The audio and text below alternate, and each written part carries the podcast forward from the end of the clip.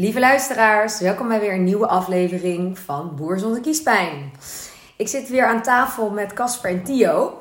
Yes. Welkom. Twee oude bekenden. Twee oude bekenden. Eindelijk weer. Het heeft even geduurd voordat we een gaatje in Tio zijn o zo drukke agenda konden vinden. Maar het is gelukt. Fijn dat je tijd vrij kon maken, Tio, om weer een eh, podcast met ons op te nemen. Want er is heel veel gebeurd. Absoluut. Eh, we gaan het deze aflevering hebben over Oekraïne. Ik heb En- het ook druk trouwens. Ja, oh. Ja, hallo. Op jouw manier. We kunnen even, misschien eerst dan even een rondje doen hoe het jullie gaat. Dat is misschien eh, belangrijk, maar ik wou dus even vertellen dat we deze aflevering gaan opnemen over Oekraïne. Er is natuurlijk heel veel gebeurd en het heeft ook heel veel impact op eh, de mensen daar in het voedsel. Eh, en ook wat dat eigenlijk voor Oekraïne zelf betekent, maar ook de rest van Europa en de wereld. Ehm, eerst even een rondje, Tio. Hoe is het met je? Ja, uitstekend. Eh, Oekraïne natuurlijk, de inval van de Russen, dat heeft eh, grote impact gehad. Op, op iedereen, de hele wereld, maar met name op de bevolking van, eh, van de Oekraïne. Eh, een, een drama, ik bedoel, ik zit er zelf ook met een aantal mensen, hebben daar een bedrijf. Een akkerbouwbedrijf. eh, maar dat is veel minder interessant dan de, het dramatische persoonlijke aspect wat daar speelt. En, dus dat houdt mij wel erg bezig. En daarnaast is hier dan de droogte in Nederland ook een probleem. We hebben nu al een maand geen regen gehad. En zoals iedereen die een beetje het nieuws en de, de Ja. weerberichten volgt, ziet dat het eh, ook eh, hier wel invloed kan hebben op de hoeveelheid voedsel die geproduceerd wordt. Maar de luisteraars die zijn erg blij met het mooie weer natuurlijk. absoluut, dat begrijp ik ook. Maar eh, ik denk dat ze straks minder blij zijn met de prijzen in de supermarkten. Ja. Niet over de inflatie gesproken. Los daarvan. En het gaat dan vooral over, waar we het eerder over hebben gehad, dat de producten dan eh, ja, eigenlijk kleiner worden, toch ook volgend jaar, dus ook duurder. Opbrengst, Ja. opbrengst, ja. ja, want ja. de producten, de groei. Ja, ja. Nee, eh, het is natuurlijk tweeledig. Eh, we hebben droogte. Droge zijn voor. Droge jaren zijn voor boeren altijd goede jaren, want dan wordt, groeit er minder voedsel. Eh, in met name Noordwest-Europa, dat is de markt die ik redelijk kan eh, overzien. En dat betekent dat de prijzen eh, hoger zijn. eh, en dat betekent dat het voor ons met alle stijgende kosten natuurlijk. eh, neem bijvoorbeeld de dieselprijs was vorig jaar 1 euro, nu 1,50 euro. Ja. Wij gebruiken 120.000 liter diesel per jaar. Dus dan is de eerste 60.000 euro is alweer eh, Door de pleeg gespoeld. al, al, alweer weg. Ja. En zo zijn er nog een aantal dingen die veel duurder worden. Kunstmest natuurlijk ook schrikbaar. En dan praten we niet over eh 50% stijging, maar dan praten we over eh 2 tot 300% stijging. Oh joh, Nou, waarom is de kunstmest zo gestegen dan? Door de hoge gasprijzen, energieprijzen. Hm. Je hebt grote kunstmestproducenten in Nederland. In Zeeland zit er eh, één jaar aan. En die gasprijzen zijn zo hoog dat ze zelfs een deel van hun productiecapaciteit stilzetten. Omdat de gasprijzen zo gestegen zijn dat het niet meer uit kan. En is het dan ook zo dat dieren ook minder mest produceren nu? Omdat dat Nee. ook... eh, oh, Nee, dat maakt niet uit. gaat echt over is kunstmest. ja. Dus kunstmest. Ik bedoel, een, een, een kilo kunstmest met stikstof wat wij dan gebruiken, die kostte vorig jaar om deze tijd 25 euro per, eh, per ton. En Ja. die kost nu 100 euro. Dus dat is, eh, Dat is wel 400, gewoon vier 400 procent. Nou, dan nog even alle andere kostenstijgingen. eh, die, dan, begrijp je dat wij eh, gigantische kostenstijging doormaken. En wij staan onder aan de trap, zeg ik altijd. Dus iedereen berekent zijn kosten altijd door. Maar wij zijn de producent en dat betekent dat wij eh, van de markt afhankelijk zijn en dat niet kunnen doorberekenen. Dan moeten we maar kijken eh, Ja. totdat we collectief met elkaar zeggen. En voor deze prijzen kan het niet langer. Zoals bijvoorbeeld met friet aardappelen of eh, uien of weet ik wat. Ja. Dus eigenlijk, eigenlijk overal gaat het goed, maar eh, je bent wel wat lichter eh, geworden. Nou, dat weten we volgend jaar pas. Hè? Ja. Dat zeg ik altijd. We, we zijn nu bezig met zaaien en planten. En volgend jaar in deze tijd mag je mij vragen hoe het jaar is geweest. Want dat weten wij gewoon niet. Nee. Ik bedoel, we- ah, de hele wereld weet niet hoe we over een jaar er, er, eh, voor staan natuurlijk. Door het drama wat er plaatsvindt. Maar wij hebben elk jaar al dat we een jaar van tevoren kosten maken. En we weten niet of we die kosten gaan terugverdienen. ja. Dat Nou, maakt spannende tijden in ieder geval. Maar er is inderdaad veel, veel aan de hand. heel Daarom veel. ook eh, veel inhoud voor, eh, voor de podcast. Maar we kunnen jou niet overslaan natuurlijk. eh Cas, hoe is het met jou? Oh, wat aardig dat je het vraagt. Ehm, Nou, ik, uh, mijn productiekosten gaan uh, niet per se uh, heel erg omhoog. Aangezien ik natuurlijk nog steeds niet echt produceer. Maar misschien is het wel tijd, als ik dit soort dingen allemaal hoor, dat alle prijzen omhoog gaan. Dat we op ons nieuwe balkonnetje of dak misschien maar een klein eigen tuintje gaan moeten aanleggen. Lekker groen dak. Nou ja, weet je, misschien moeten we toch wel iets meer voor onszelf, zelfvoorzienend proberen te zijn. En iets meer kruiden en zo zelf dan gaan maken. Ja. Absoluut. Ja, toch? Heel goed. Daar zijn ook, ze zijn nu ook bezig met projecten in de woestijn in Saudi-Arabië. En mogelijk ook andere landen om daarmee in greenhouses, dus in kassen om daar aardappelen te telen. Want we hebben natuurlijk voldoende licht is daar aanwezig. Ja. Water is de beperkende factor. Maar als je water dus in een kast kunt houden, dan hou je, heb je veel minder water nodig. En dan kun je de groeiomstandigheden wat uh, conditioneren. En dat zijn allemaal projecten die ze nu wat gaan opschalen. Om die mensen ook meer zelfvoorzienend te, eh, te, kunnen maken. En minder afhankelijk van water. Nou, ze kunnen er wel eentje bij ons neerzetten als pilot. Ja. Ja, ik dacht dat jij zelf ging doen. Nou ja, nu dit hoor. ja, dat wel. nou, ik ben blij dat jij uh, een nieuwe zelfvoorzienende groentetuin gaat bouwen. Uh, ik ben erg benieuwd. Uh, laten we het de volgende aflevering over hebben hoe het, hoe het daarmee gaat. Ja, goed um, dan even naar het main topic van de aflevering en dat is natuurlijk Oekraïne. Ja. Um, Nou, we hebben her en der al wat meegekregen. En vanuit, vanuit jou heb ik ook gehoord dat jij... dat jij natuurlijk ook die boerderij waarbij je betrokken bent... dat er ook inderdaad vrachtwagens uh, graan werden tegengehouden bij de grens. Dat eigenlijk alle export niet meer mogelijk was. Misschien kan je even eerst kort vertellen wat Oekraïne voor positie heeft in, uh, in de wereld, ook qua landbouw. En Oekraïne kennen we allemaal van de aardrijkskundeboekjes, de graanschuur van Europa. Oekraïne. Ik ken die niet per se uit nee, boekje, maar jullie hebben geen, geschiedenis meer gehad. Geschiedenisboekjes, Casper. Ja.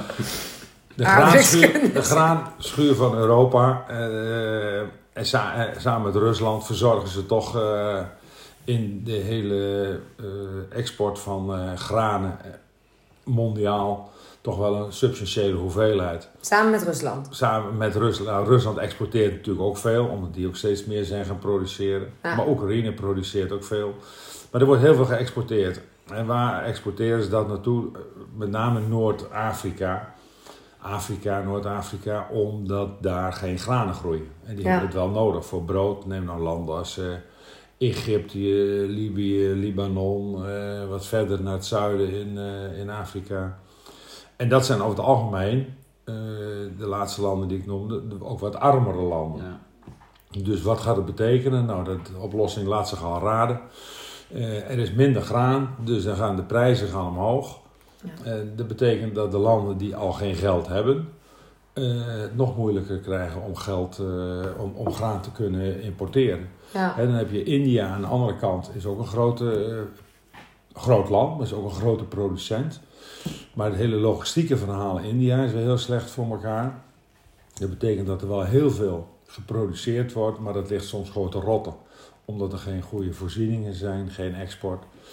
Okay. Uh, niet dicht bij een haven of weet ik wat. Maar komt dat dan door de, inderdaad de infrastructuur in het land zelf? Of ook natuurlijk wat we hebben meegekregen dat het scheepvervoer ook echt slecht gaat de laatste tijd? Nee, nou in principe hebben ze gewoon hun opslagcapaciteit, hun faciliteiten.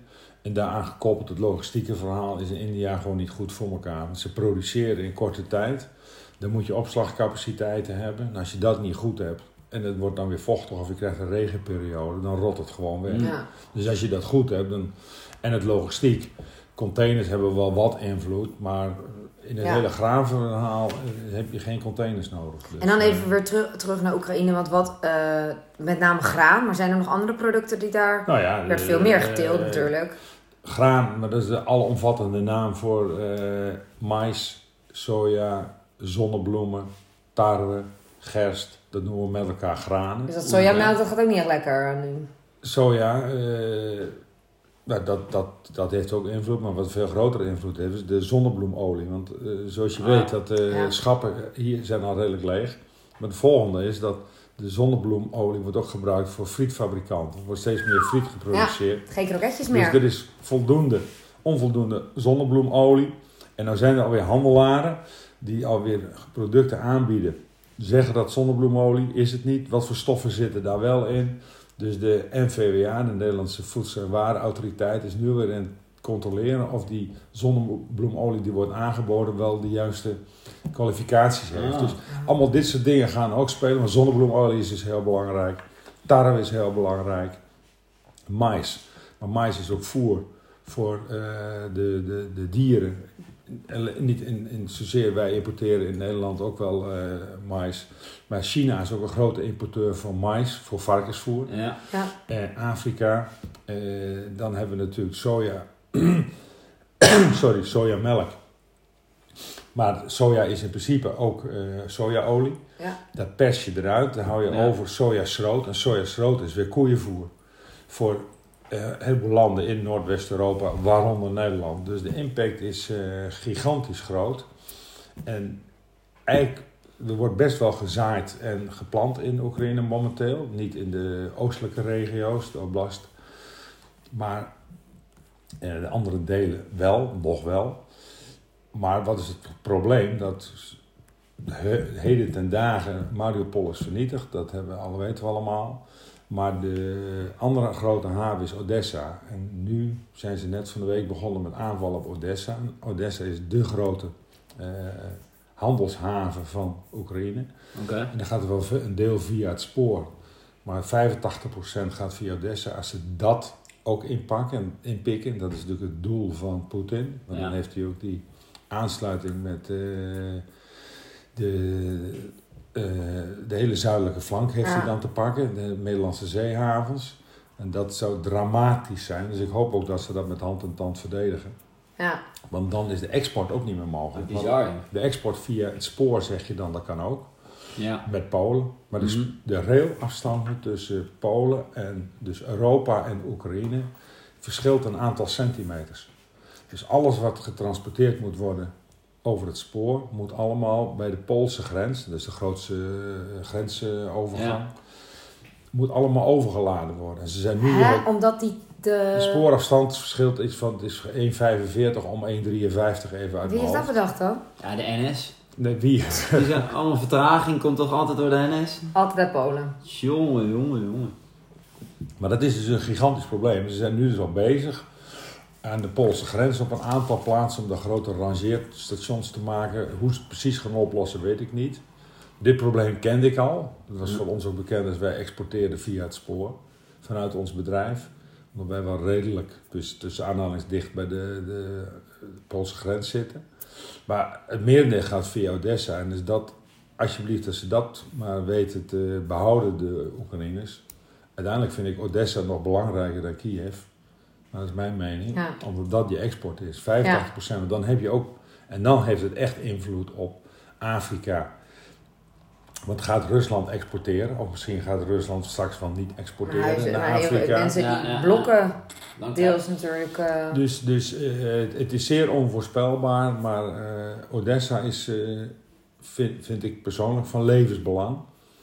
Anders ook, kan ook voor de inkomsten. Ook voor de inkomsten van Ja. de Oekraïne. En anders Man. kan Rusland natuurlijk gaan eh, dreigen inderdaad dat ze die export stil gaan leggen. En eh, Ja. eh, mij, wij merken het natuurlijk nu al. Je hoort, ik, tenminste ik heb in het nieuws ook gehoord dat in best wel veel eh, producten ook zonnebloemolie normaal zit verwerkt. Waar nu ze dan nu ook al andere plantaardige oliën voor Ja. gaan, aan het gebruiken zijn. En waarvan je dan hoopt dat het plantaardig is. Ja, precies. En wat ik net zei.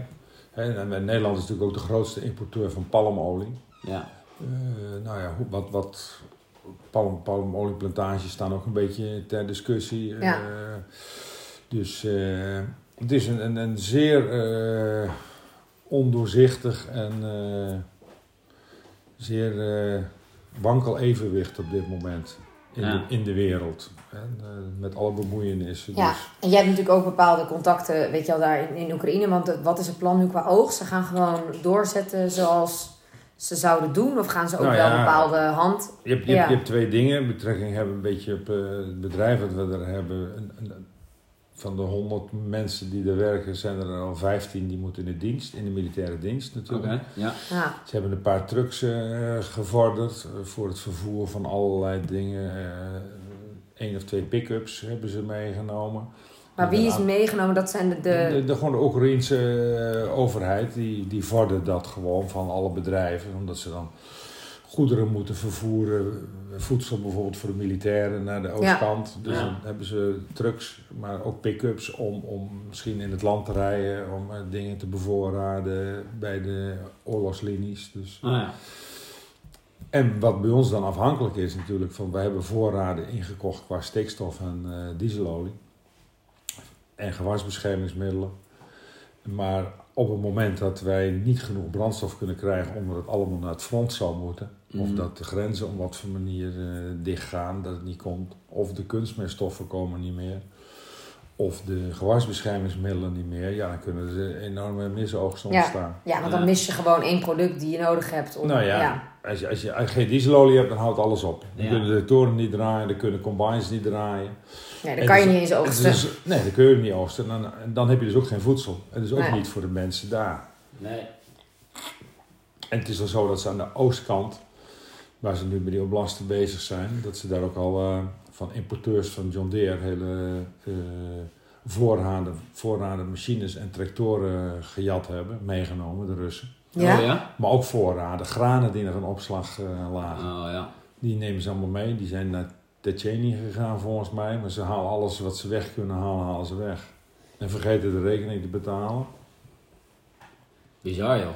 En nou is het zo dat die Russen, nog één kort opmerking erover. Die Russen die eh, nemen dat spul mee. Maar die Amerikanen van John Deere, die kunnen dus op afstand die machines onklaar maken. Oké. Dat is toch geestig. dat er iemand met zijn ding rijdt en dat hij zo opeens stilvalt. Ja, maar die kunnen gewoon niet starten. Die Nee. zorgen gewoon dat het... Misschien kunnen ze het wel weer oplossen, maar de Amerikanen kunnen dat allemaal blokkeren. Dus, Ik zou hem dan wel aan, uit, Ja, nou ja. aan, uit. Ja. ja, even tussendoortje. Nou, ik Dus. hoop dat ze dan eh, in ieder geval die systemen niet kunnen hacken en allemaal stilstaan met Nou de ja, machines bij de grens. Maar, Maar, ja, rijden ze dan allemaal met die combines daar Nee, naast de vrachtwagens. tanker? Vrachtwagens staan ook beelden van. eh, die krijg je gewoon op eh, social op media. Van, eh, dat, wat, wat er allemaal gebeurt. Maar, Maar- bovenal is natuurlijk het menselijk drama is wat de boventoon voert. Maar ik kan me voorstellen dat dat nu inderdaad die balans is van waar ga je dan je grondstoffen naartoe brengen? Naar het front of naar dus inderdaad de vo- voedselproductie. dat is natuurlijk gigantisch lastig. Want je moet het wel, en dat was precies wat je zegt, wel voedsel blijven produceren om eh, Ja. dat ook te kunnen leveren. Ja.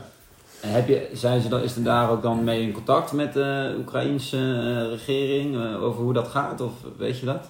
Nee, dat weet ik zo niet. Maar eh, reken maar dat het- front natuurlijk eerst gevoed moet worden met alles wat nodig is. Met voedsel Ja. en met dieselolie en munitie. Nou, daar weten we ook binnen Europa alles van.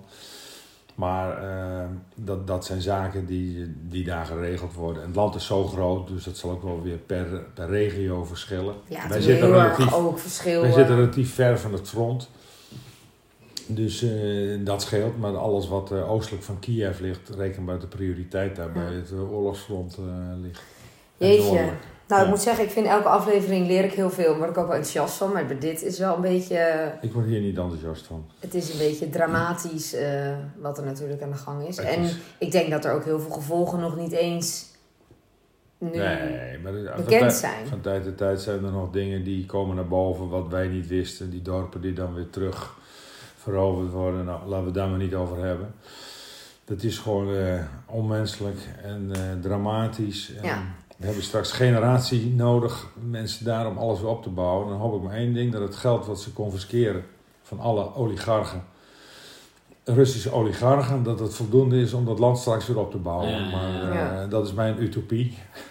Nou, je hebt nog wel eh, meegewerkt aan iets moois, toch? Om een eh, vrachtwagen met voedsel Ja. ook onder andere naar eh, Oekraïne te sturen Ja. vanuit, Ook vanuit weten hier. eh, dat het een druppel op een gloeiende plaat is. Maar ja, als je het niet Nou doet, dan... eh, Eens, maar je kan in ieder geval je steentje bijdragen, toch? Als iedereen daar zijn steen aan bijdraagt, dan...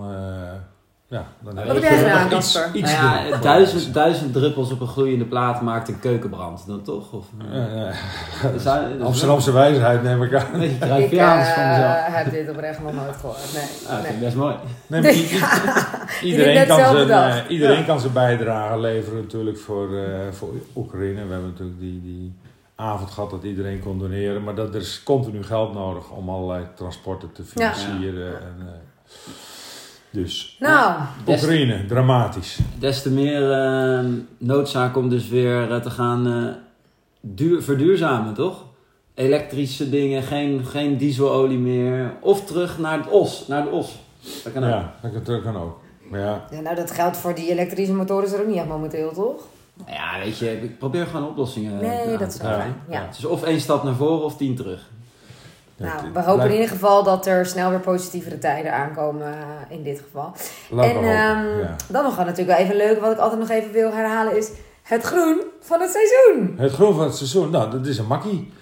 Eh, we zaten natuurlijk eh, vanmorgen aan het eh, moederdag ontbijt. En wat hadden wij daar liggen? Hollandse aardbeien. Oh, Dus Ja, eh, weliswaar nog niet van de volle grond, maar uit de kast. Maar we hebben ge- genoten van de Hollandse aardbeien. Dus ik zou ze zeker aanbevelen. Nog een paar weken, dan eh, komen ze weer van, eh, van buiten, van het Ja. veld. Dus eh, Nou, en denk nog even daarnaast, want die aardbeien die waren natuurlijk ontzettend lekker. Maar we zitten natuurlijk ook hier in Flevoland. En wat ook natuurlijk wel opgevallen is, is dat iedereen weer met bosjes tulpen in, in huis heeft staan. Het tulpenseizoen, ja, we Ja. hebben ze hier op tafel ook zeker voor ons staan.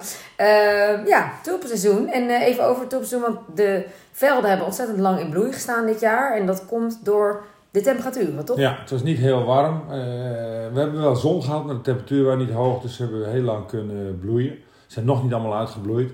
Nou is het meestal wel drie weken, maar zeg maar 15 april gaan ze bloeien. Meestal is het rond deze tijd dat ze uitgebloeid zijn.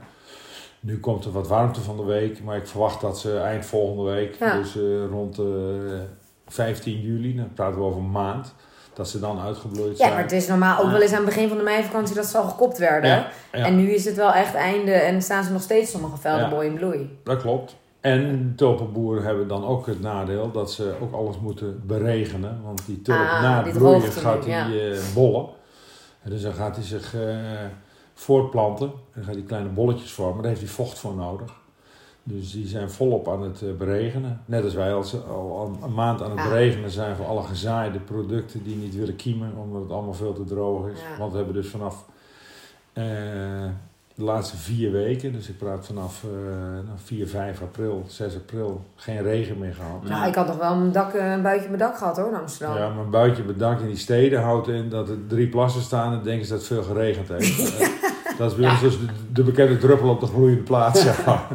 En Nou, tien ik druppels wel, eh, Kasper maakt. Ja, geen, geen keukenbrand als het water is. Nou, ik heb wel in ieder geval, ook als ik naar zo'n bolleveld kijk, dan denk ik, nou ben ik blij dat ik die dingen niet hoef te koppen meer. Eh, Ja.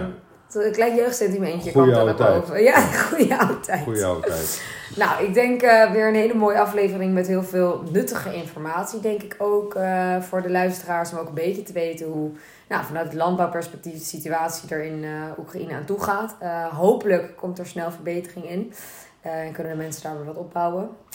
Ja, Ja, zeker. absoluut. Laten we het Absoluut. hopen. Laten we dat hopen. Nou, laten we daarmee zo, afsluiten. eh, zo afsluiten. Dank voor het luisteren en eh, tot snel. Dag.